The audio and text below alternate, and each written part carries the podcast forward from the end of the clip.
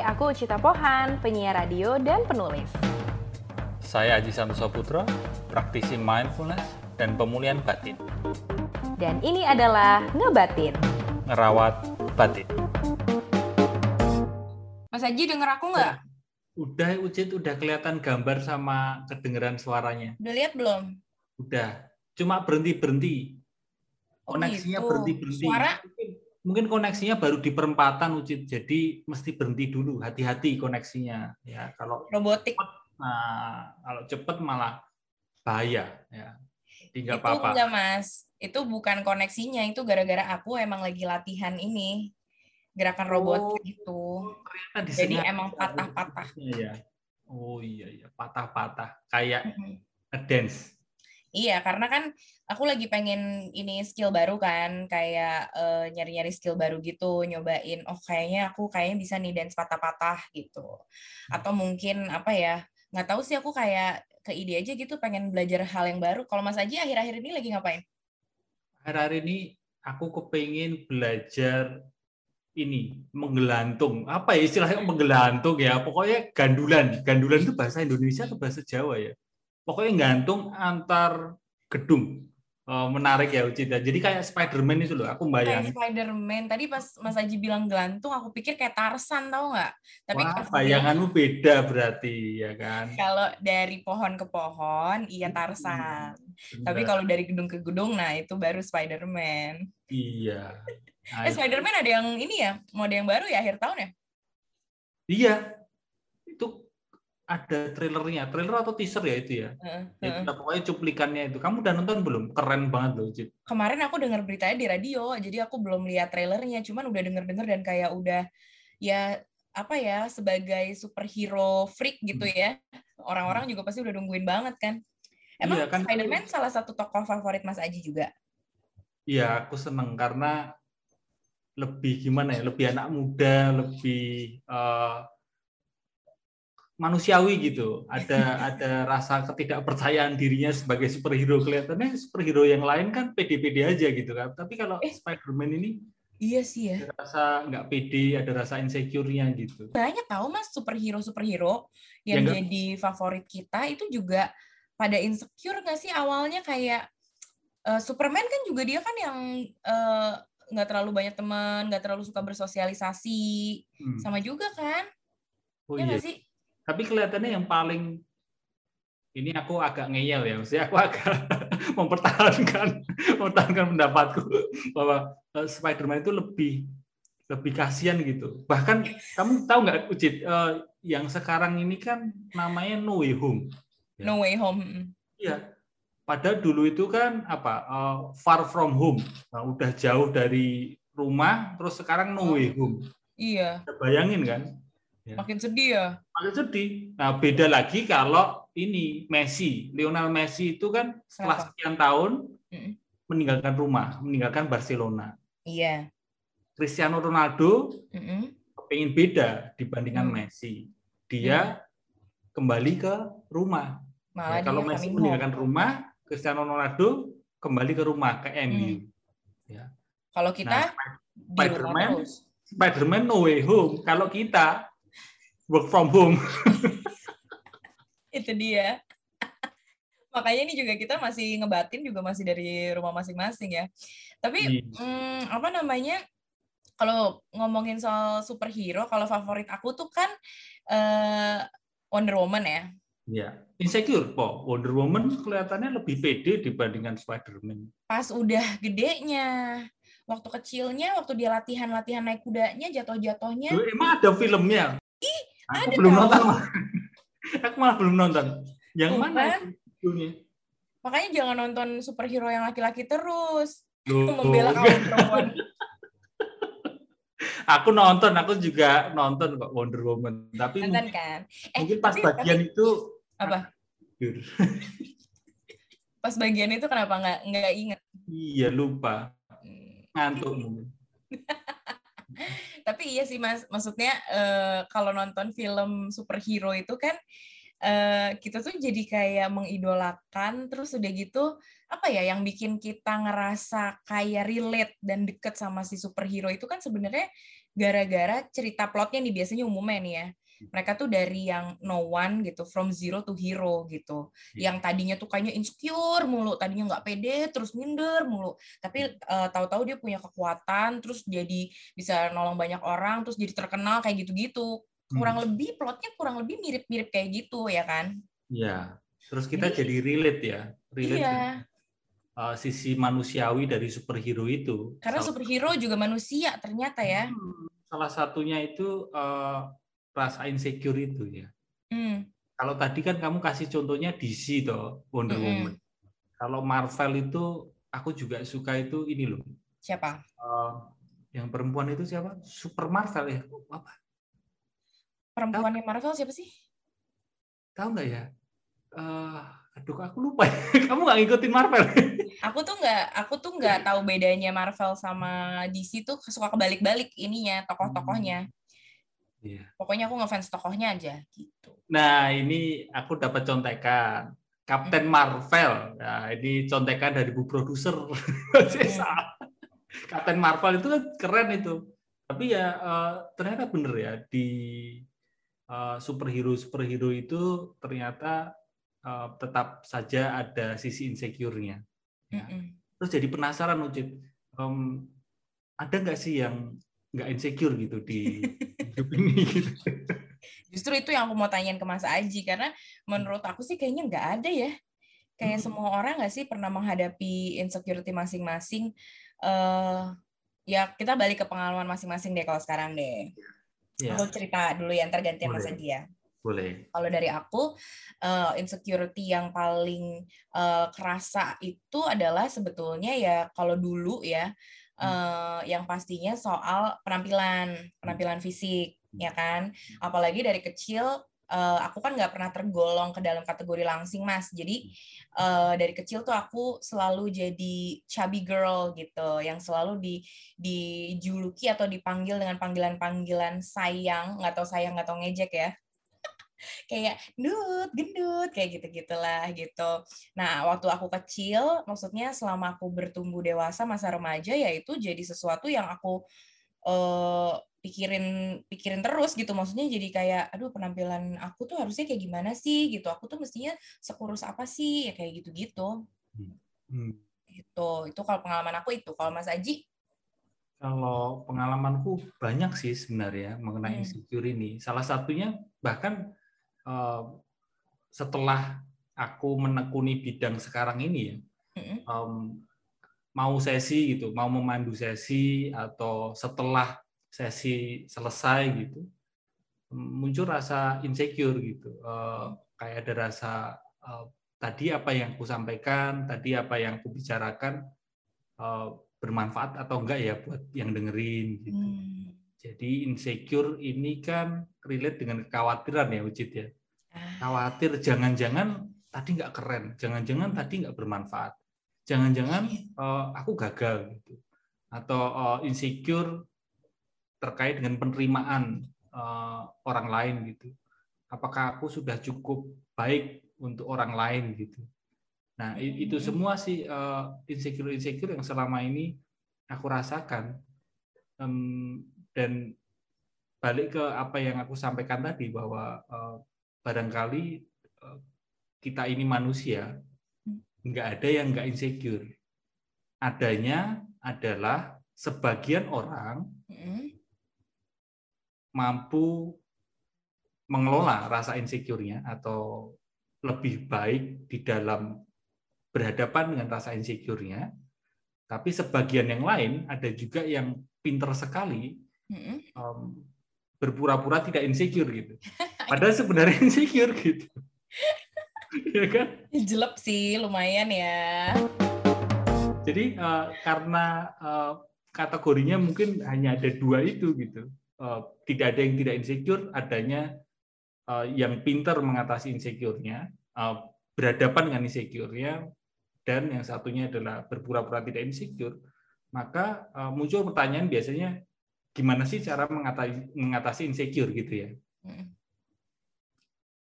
Di awal sebenarnya ada satu tips yang mendasar. Kamu nungguin ya Ucit ya? Minum dulu ah.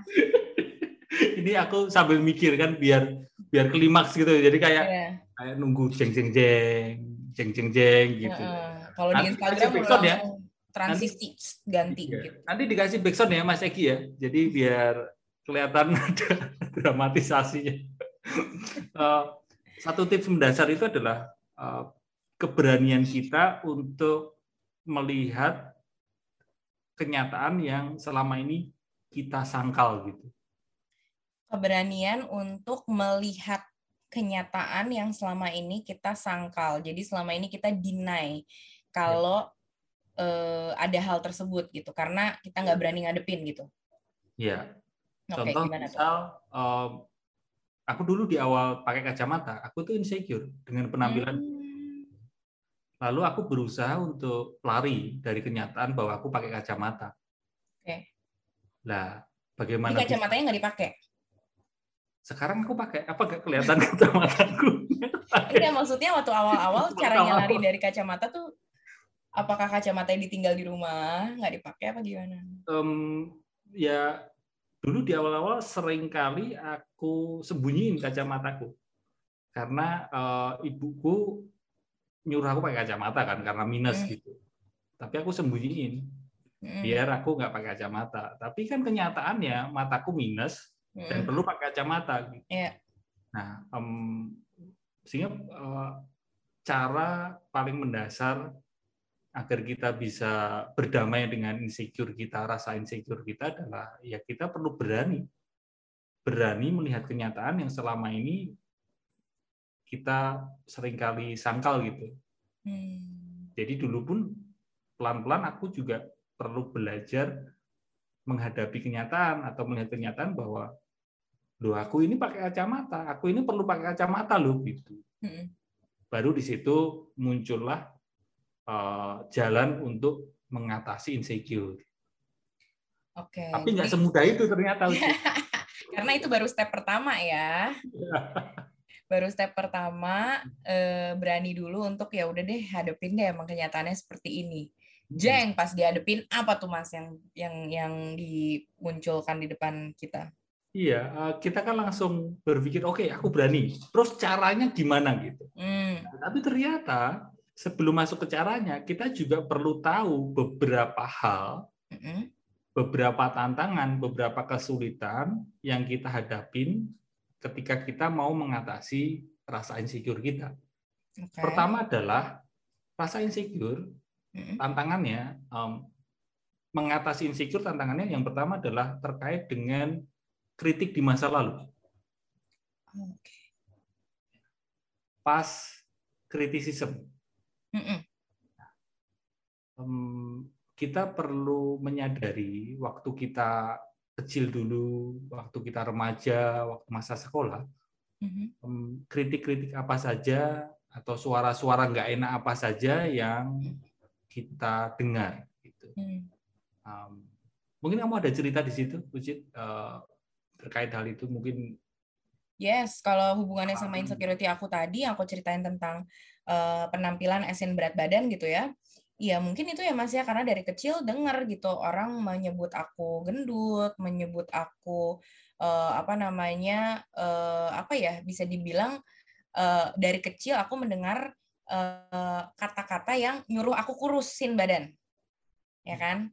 Kayak eh kurusin badan dong gitu atau kegendutan atau apa gitu jadinya di kepala aku seumur hidupku aku selalu ngerasa emang aku harus ngurusin badan gitu iya. gitu Jadi em, perjalanan kita mengatasi insecure, salah satu tantangannya itu kritik-kritik yang kita dapatkan di masa lalu. Mhm. Kalau uji terkait berat badan, kalau aku itu dulu terkait medokku. Hmm. Iya. Jadi aku pernah diejek habis-habisan gara-gara aku medok dan semenjak itu aku terlalu berusaha untuk tidak medok malah jadinya konyol, wagu. malah nggak aku banget lah gitu. nggak nggak nggak Mas Aji banget ya Mas Iya. Aji itu justru sekarang justru khasnya karena ada mendoknya itu kalau orang dengar suaranya doang juga udah tahu oh ini Mas Aji nih lagi ngomong Padahal dulunya aku insecure sekali dengan kemedokanku gitu. Nah, itu jadi kritik di masa lalu perlu kita sadari dulu sebagai tantangan terkait mengatasi insecure. Nah, Mhm. berikutnya Mm-mm. tantangan yang kita hadapin. Nah, ini relate dengan uh, kritik di masa lalu. Kritik di masa lalu itu akan membentuk self image kita. Oke. Self image yang cenderung negatif. Hmm. Hmm. Misal tadi kalau ceritaku masih terkait medok tadi, karena aku sering diejek gara-gara medok, terus aku tanpa sadar, Mhm. nggak tahu disadari atau enggak ya, tapi uh, terbentuklah self image yang negatif di dalam diriku bahwa Ya. ya aku ini, Aji ini Mm-mm. adalah sosok yang medok yang em, nggak asik lah gitu kalau ngomong dengan orang yang nggak medok dan sebagainya gitu Oke. Em, kekunci di situ Hmm, hmm, aku malah tidak bisa keluar dari self image tersebut hmm, dan membuat aku semakin terpuruk gitu. hmm. kalau kamu ada pendapat atau cerita terkait hal itu Ucit? Iya sih Mas, jadi ngerasa eh, pola hidup atau pola makan apa pun yang aku lakukan eh, terkait dengan itu tadi ya, eh, apa namanya eh, kritik bahwa aku harus harus ngurusin badan, ya buat aku jadinya nggak akan pernah nggak akan pernah apa cukup gitu. Maksudnya aku mau nurunin berat badan seberapapun nggak pernah cukup, masih akan terus dan terus harus terus diet terus gitu. Ya. Tapi akhir-akhir ini aku sadar kayaknya bukan itu jawabannya sebenarnya gitu. Bukan maksudnya bukan melakukan dietnya jawabannya, tapi di balik itu ada sesuatu yang harus diberesin dulu. Dan mungkin ad- jawabannya adalah yang ngeberesin self image aku terhadap diriku sendiri yang negatif, yang kekunci tadi Mas bilang bahwa aku akan selalu ngerasa gue kurang kurus. sehebat apa pun atau kenyataan seindah apa pun, kenyataan meskipun sudah sesuai harapan kita, tetap Ya. saja kita rasa kurang gitu kan, Ya, Ucit ya. ya, mm-mm. Ya, karena self image. Nah, itu tadi dua ya. Yang pertama tadi apa? Malah tiba-tiba udah lupa ini. ya? Yang pertama tadi kan keberanian untuk menghadapi, terus kritikan, kritikannya iya. itu bikin self image-nya jadi kekunci. Iya. Eh, bukan Ucit. Yang Eh? pertama yang ini malah udah berdebat dulu. Sama-sama insecure-nya kita ini berdua ya. Sibuk sama insecurity sendiri nih jadinya. Kalau yang pertama tadi kan eh, ini eh, kita pasti berani menghadapi. Iya, keberanian menghadapi kan. Hmm, em, kalau masuk ke tantangannya, tantangan pertama adalah kritik di masa lalu. Iya, kritik. Yang kedua, tantangan, tantangan dua adalah self image. Ya. Tantangan ketiga adalah karena self image yang negatif itu Mm-mm. bikin kita lack of trust.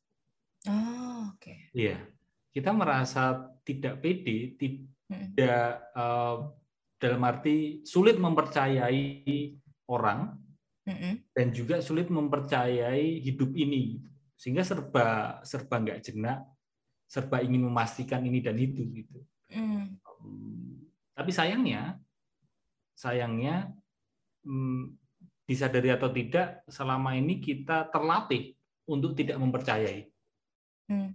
ya eh, tidak mempercayai orang tidak mempercayai eh, momen-momen di hidup ini gitu. Ya, dan inilah yang juga berperan menghalangi kita menjadi kendala kita dalam berdamai dengan insecure. Terus menurut aku emang kayak apa namanya banyak orang yang ngerasa kalau misalnya udah ngomongin insecurity gitu nanya gitu nanya ke aku karena mereka lihat aku kayaknya eh, kok pede-pede aja terlihat seperti kayaknya nih orang nggak nggak nggak punya insecurity. Ya dalam hati aku ya nggak mungkin. Aku juga punya insecurity cuman gimana caranya si insecurity itu ti- tidak terlalu mengganggu kehidupanku sekarang. Nah itu yang aku usahain gitu dengan cara-cara yang mungkin eh, ya bisa dipraktekin dari yang tadi Mas Haji bilang kan. Karena kan hmm, ya problem orang bakalan beda-beda. Tapi setuju nggak Mas kalau step by stepnya kurang lebih akan mirip-mirip seperti yang tadi dibilang Mas Haji? Kesulitannya ya, jadi tantangan kita dalam berdamai dengan insecure eh, kurang lebih mirip lah gitu.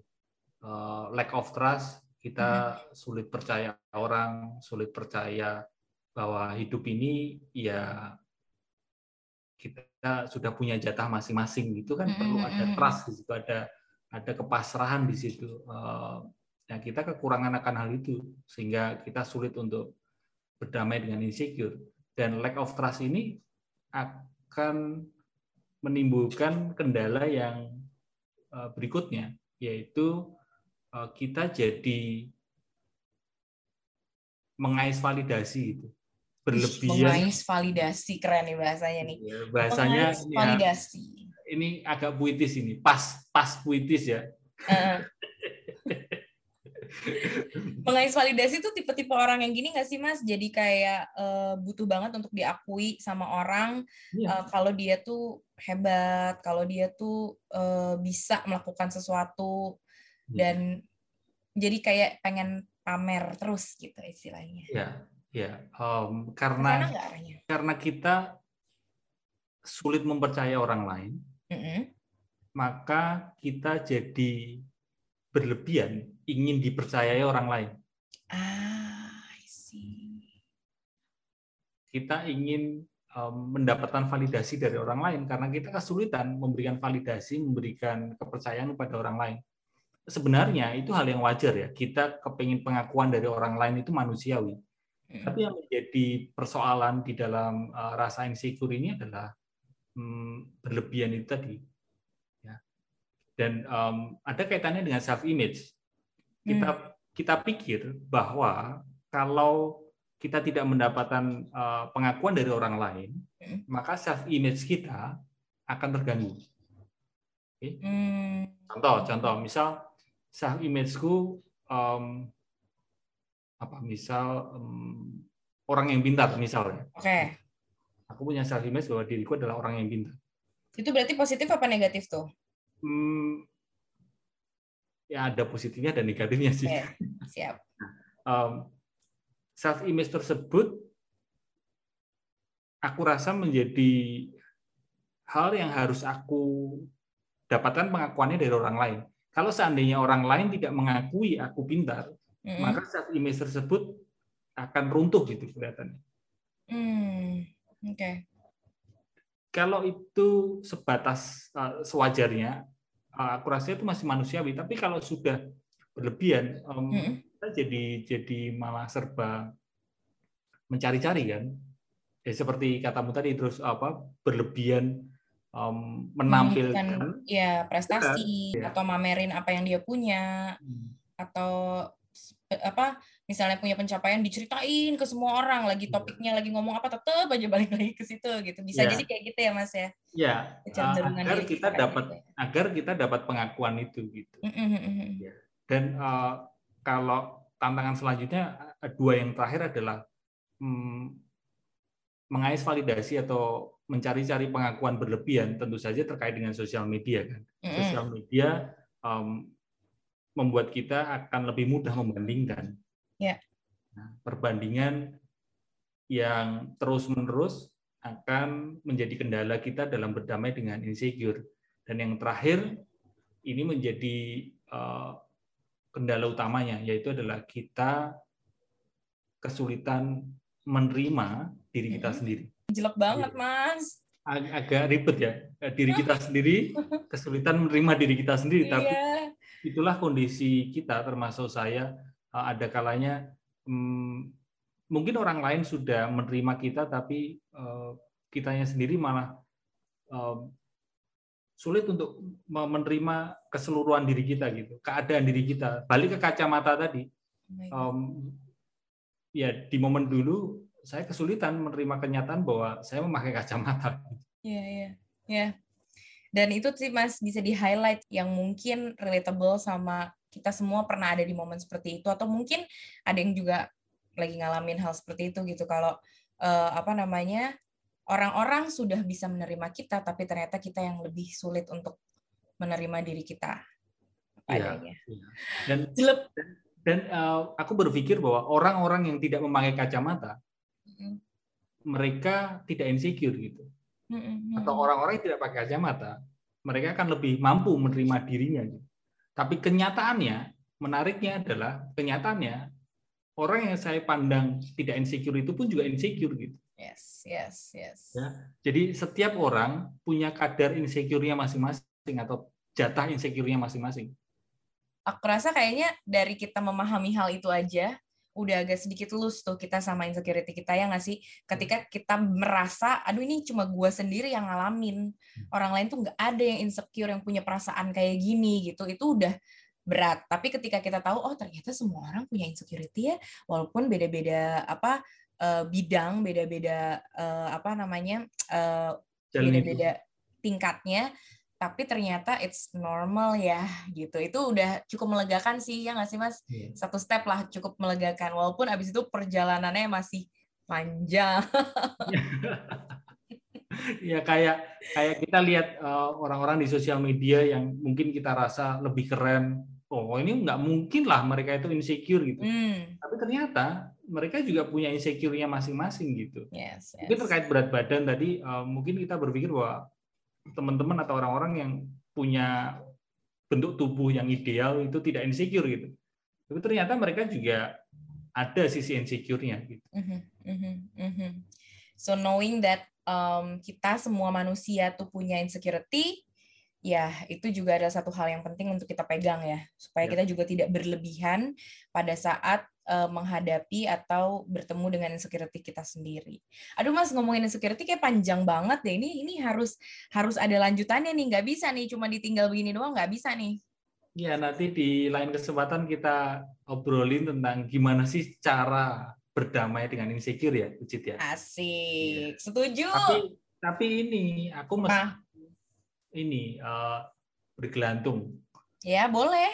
Di antar gedung itu tadi. Boleh, boleh, boleh. Nah, Kayaknya pengen nunjukin banget tuh kalau bisa gelantungan dari hmm. ujung ke ujung silakan. Kayak kayak Spiderman. Iya, boleh Mas, boleh. Silakan. Ya, sekarang coba latihan gelantungan dulu pakai ini aja dulu di rumah. Apa tuh? yang pakai besi itu ya. Iya, itu aja dulu ya.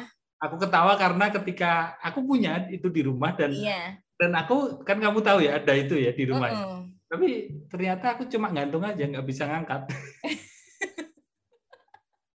Mesti telepon Peter Parker dulu nih sebentar ya, aku hubungin dia deh biar bisa langsung nge-training Mas Aji secara langsung, oke? Okay? Oke. Okay.